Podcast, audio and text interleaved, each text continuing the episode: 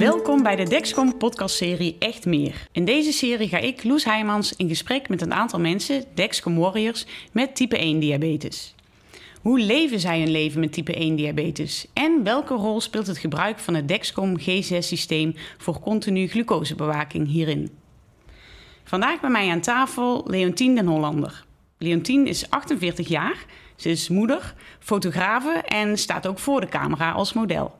En daarnaast zet ze zich in als mantelzorger voor oudere mensen met Alzheimer. Dit alles combineert zij al 27 jaar met een leven met type 1 diabetes. Leontien, fijn dat je er bent. Dankjewel, leuk dat ik hier mag zijn. Hey, en nou ja, we zijn nu 27 jaar verder nadat jij de diagnose kreeg. Welke rol speelt type 1 diabetes nu in jouw leven?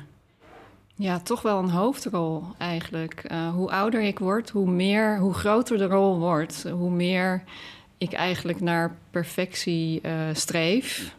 Ja, niet helemaal perfect, maar gewoon, uh, ik ben er meer mee bezig. Ook omdat het moeilijk, ik ben moeilijker instelbaar hoe ouder ik word. Kun je ons daarin meenemen hoe dat, hoe dat voor jou ja, hoe dat werkt. Want, want um, je zou misschien zeggen van nou, hoe langer je het hebt, je krijgt er handigheid in, het wordt makkelijker. Maar dat is in jouw geval niet zo. Uh, ik denk dat ik, ja, je weet meer. Uh, je weet meer van voeding, je weet meer van het ja, fysiologie van je lichaam. Uh, hoe het met beweging gaat. zeker ook omdat ik sinds 2014 een pomp heb.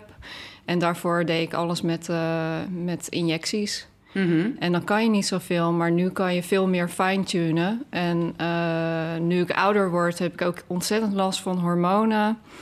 En daardoor ben ik er eigenlijk best wel veel mee bezig. Dus het speelt wel een hoofdrol in mijn leven. Ik sta ermee op, ik ga ermee naar bed. En uh, daartussendoor ben ik er constant wel mee bezig.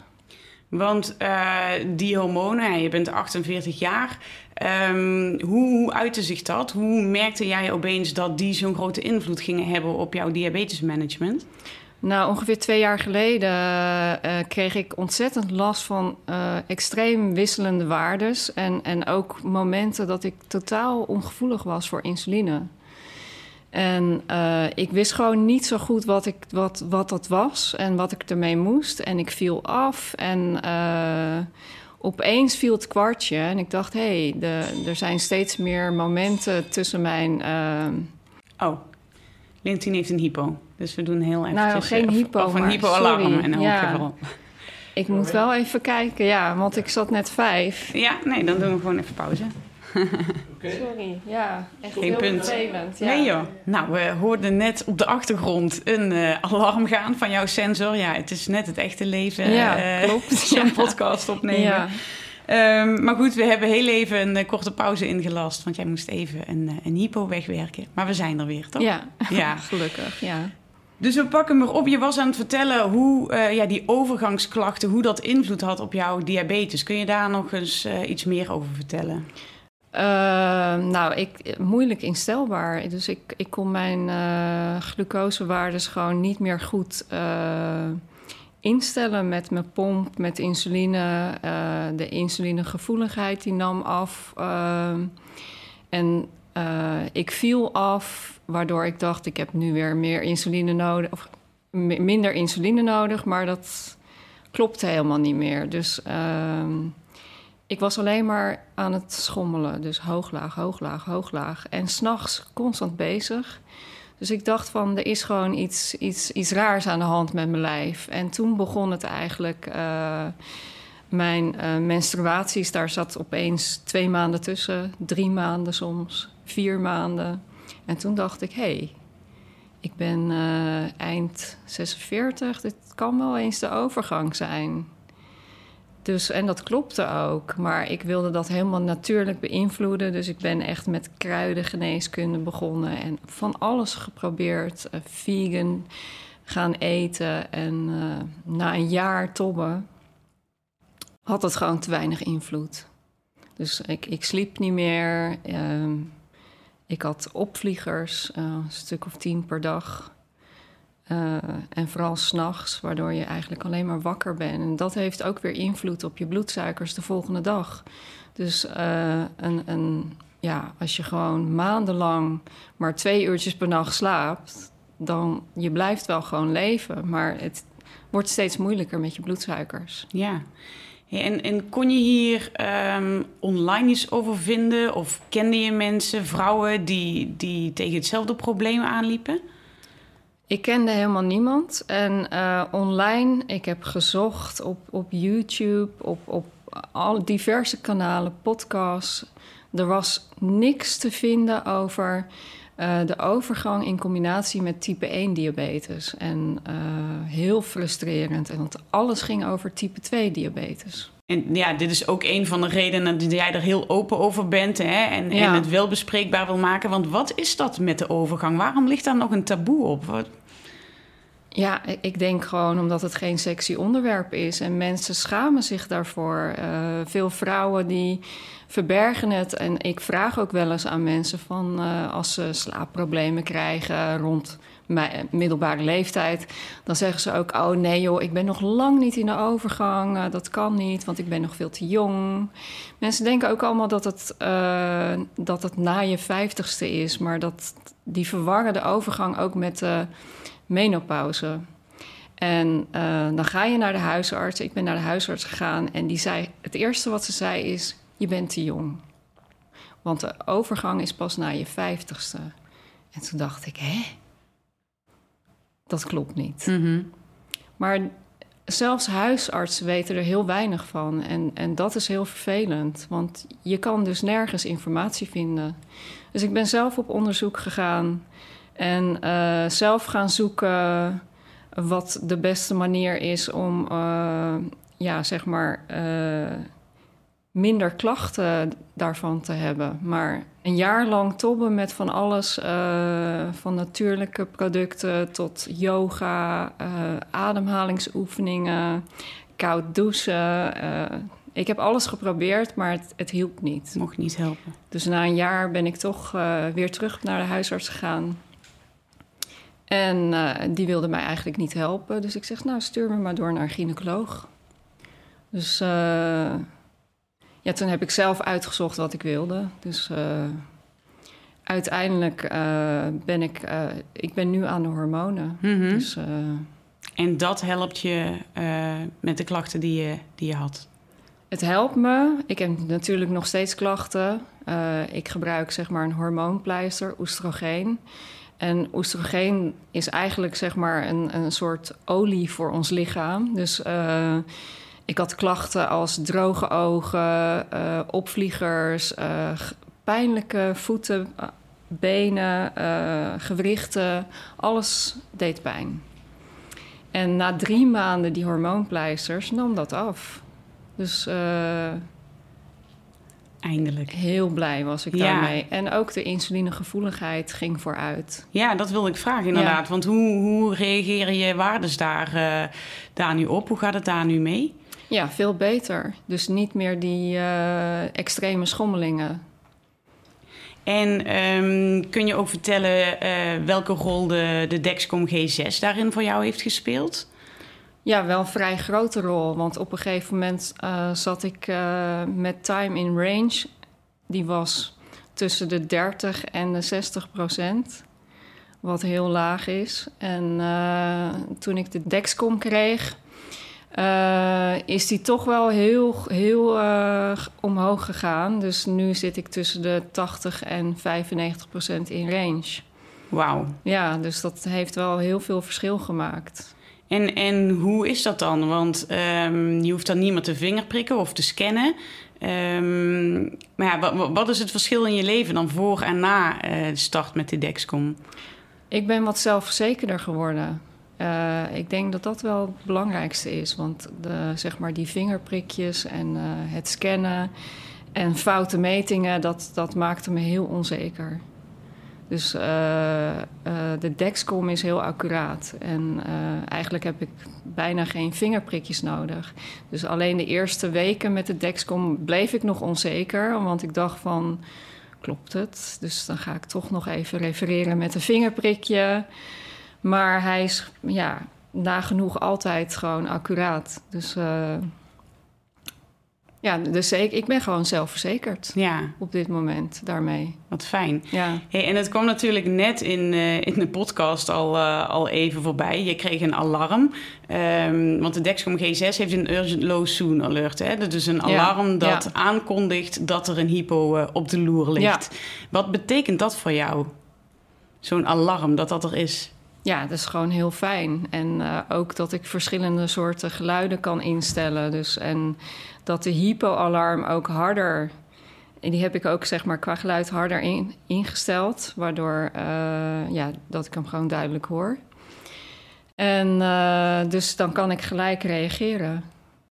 En ik heb hem ook wat strakker ingesteld. Dus niet, niet op een, eh, een lage waarde, maar gewoon tussen de 4 en 5. Dus eigenlijk tussen de v- 4,5 en 5.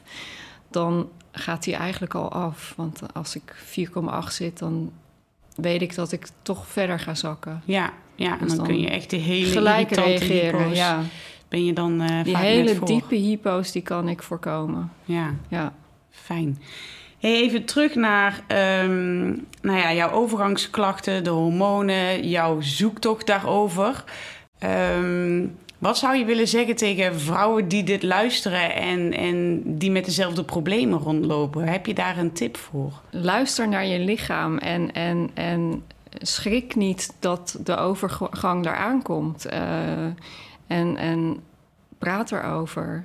Maak het bespreekbaar. En eh, dat vind ik wel heel belangrijk. En, en dat meer vrouwen erover praten.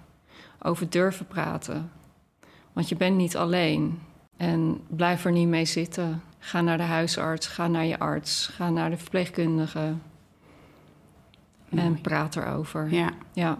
Als er nou vrouwen zijn die deze podcast luisteren en denken: ja, help me, waar kan ik zelf mee aan de slag? Wat voor tips zou je voor hen hebben?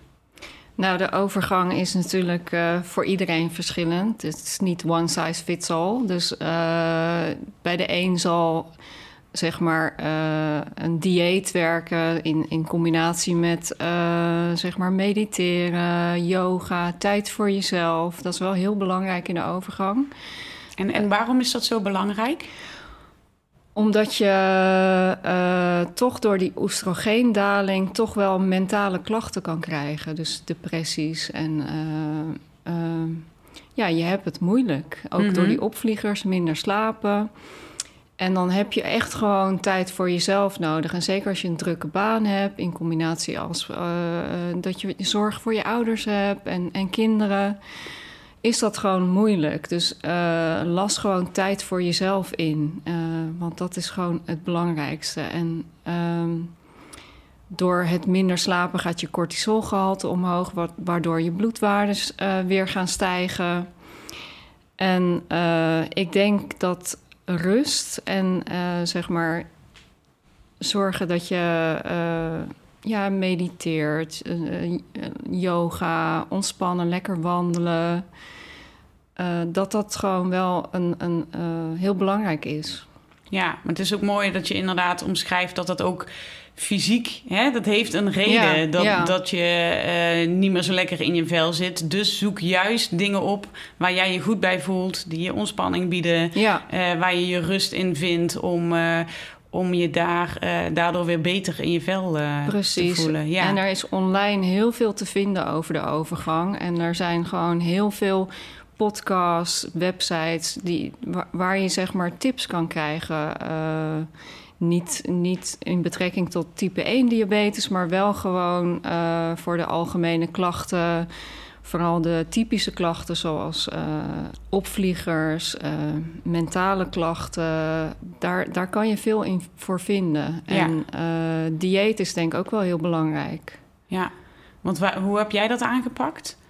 Nou, ik ben gelijk vegan gegaan. Dus ik ben vooral... Ik was al vegetariër. Maar ik ben eh, een vegan dieet gaan volgen... omdat ik ook eh, heel veel acne kreeg opeens. Want ja, door de oestrogeendaling krijg je ook last van je huid. Dus je krijgt rimpels en acne. En ehm, ja, heel vervelend allemaal. Dat je in een soort eh, tweede puberteit komt. Maar die, ja, het lijkt, de overgang vind ik wel erger dan de puberteit. Nou, ik uh, verheug me er nog niet op. Uh, nee, kan ik je vertellen. maar het is voor iedereen anders. Dus bij de ene, de ene heeft milde klachten. En bij de ene uh, daalt het oestrogeengehalte veel sneller.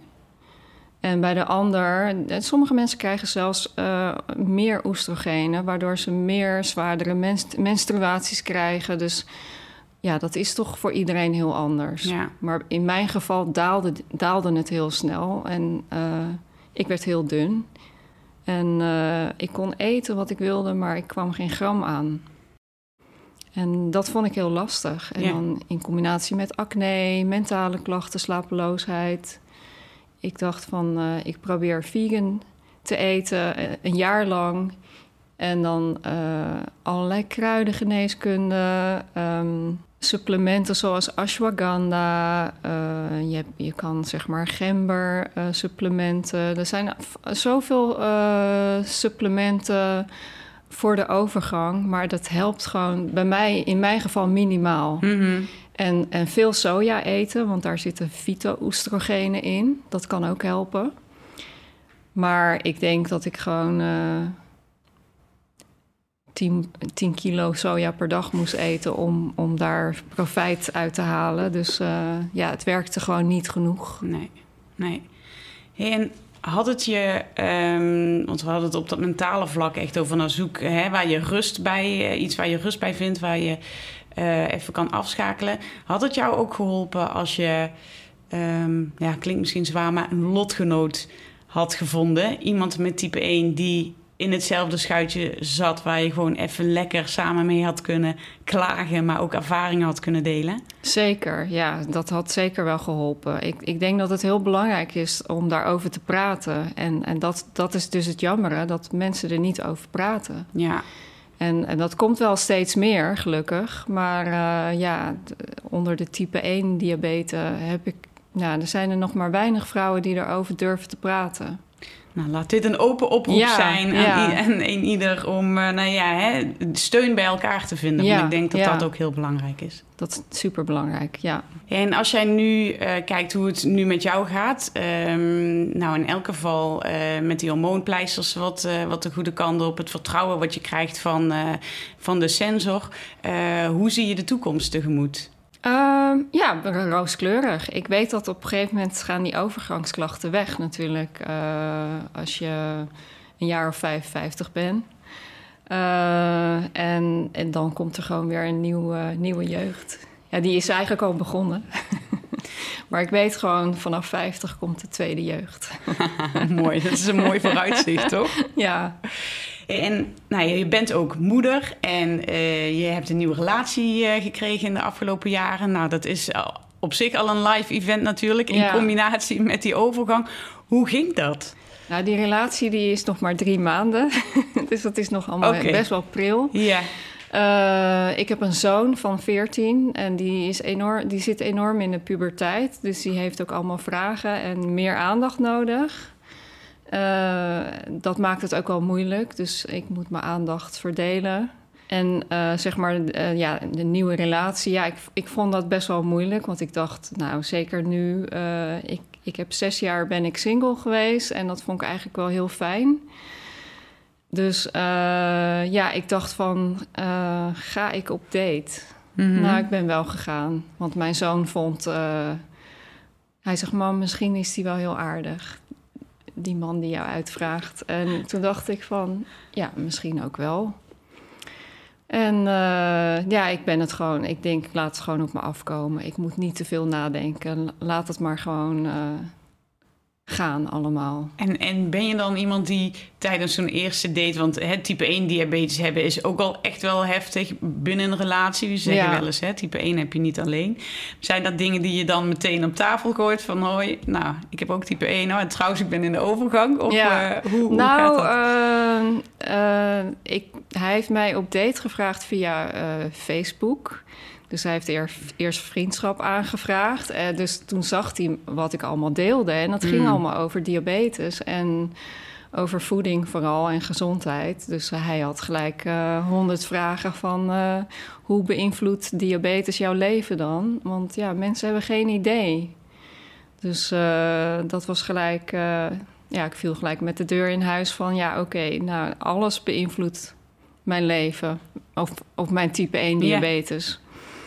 Dus ja, op de eerste date uh, was dat ook moeilijk. We gingen gelijk een stuk wandelen en uh, uiteten. Dus ja, dan ben ik er toch ook mee bezig. En ik had ook al veel dingen over de overgang gedeeld op mijn tijdlijn. Dus dat zag hij natuurlijk ook staan. Dus ja, nou ja, dat is dan weer het voordeel van social media. Je, je kan je schamen en het is absoluut geen sexy onderwerp, maar ik had zoiets van ja, dit ben ik. En het is, uh, het, is het. Ja, dit is het. Hij krijgt de whole package. Ja, ja mooi. Voor hem was het ook wel, uh, hij had geen idee wat type 1 diabetes inhield. Dus uh, ja, ook een leermoment van wat doet het met je? Nou ja, heel veel. Dat het toch wel een klein beetje een handicap kan zijn als je druk bent en uh, een wandeltocht gaat uh, maken uh, en dan tussendoor uit eten, dan, dan ben je toch heel erg bezig met je diabetes. Ja, dat kan je niet verbergen. Nee. Heeft dat dan invloed op je relatie ook? Nee, eigenlijk niet. Nee, nee. Dus ik heb wel één keer gezegd: je kan nu nog afhaken. maar nee, het is een hele lieve, rustige, makkelijke man. Mooi, ja. moet je houden. Ja. en kijkend naar de toekomst, er is natuurlijk in diabetesland ook heel erg veel uh, gaande, nieuwe ontwikkelingen. Ja. Wat, wat zijn dingen die jij echt in de gaten houdt? Uh, ja, toch ook wel stiekem een beetje die genezing. Daar blijf ik uh, op hopen. maar ik, ja, ik denk dat we toch meer naar de technologie moeten kijken. En dat er gewoon meer pompen beschikbaar komen met, uh, in combinatie met, uh, met een uh, continu glucosemeter. En ik denk en, en vergoed, dat de vergoedingen daarvoor beter zijn in Nederland. Want die zijn nu gewoon niet zo heel goed. Ik bedoel, als ik nu naar de verpleegkundige ga, dan maak ik nul kans op een combinatie van een pomp met een continu glucosemeter. En dat vind ik wel verdrietig. Ja, terwijl het je kwaliteit van leven zo enorm heeft verbeterd. Ja, zeker, ja. En ook als je uh, enorm schommelt in waardes, dan maakt dat ook niet uit. Maakt geen verschil, want mijn gemiddelde is goed. En dat is gewoon uh, niet echt de uh, juiste meting waarop we meten. Nee. En als jij nu jouw waardes laat zien en, en jouw diabetes team, van kijk, maar dit heeft uh, alleen al het gebruik van zo'n sensor me gebracht. Hoe is hun reacties daar dan op? Heb ik gedaan. Ik ben naar mijn verpleegkundige gegaan. En, en ze zei ook, nou, ze zegt, ik ben heel blij voor je dat je die sensor nu he hebt. Maar ze zeggen, ik weet gewoon, als je hem kwijtraakt, dan krijg je hem niet van ons. Dat gaat gewoon niet gebeuren. Dus uh, geniet er maar van, zolang je hem hebt zaak dat we ons daar allemaal uh, hard voor blijven maken, denk ja, ik. Ja, dat uh, moeten we zeker blijven doen. Ja.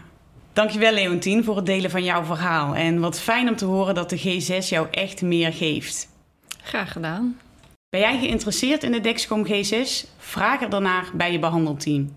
Hoe meer druk we uitoefenen op de behandelaren, hoe meer kans er is op volledige sensorvergoeding.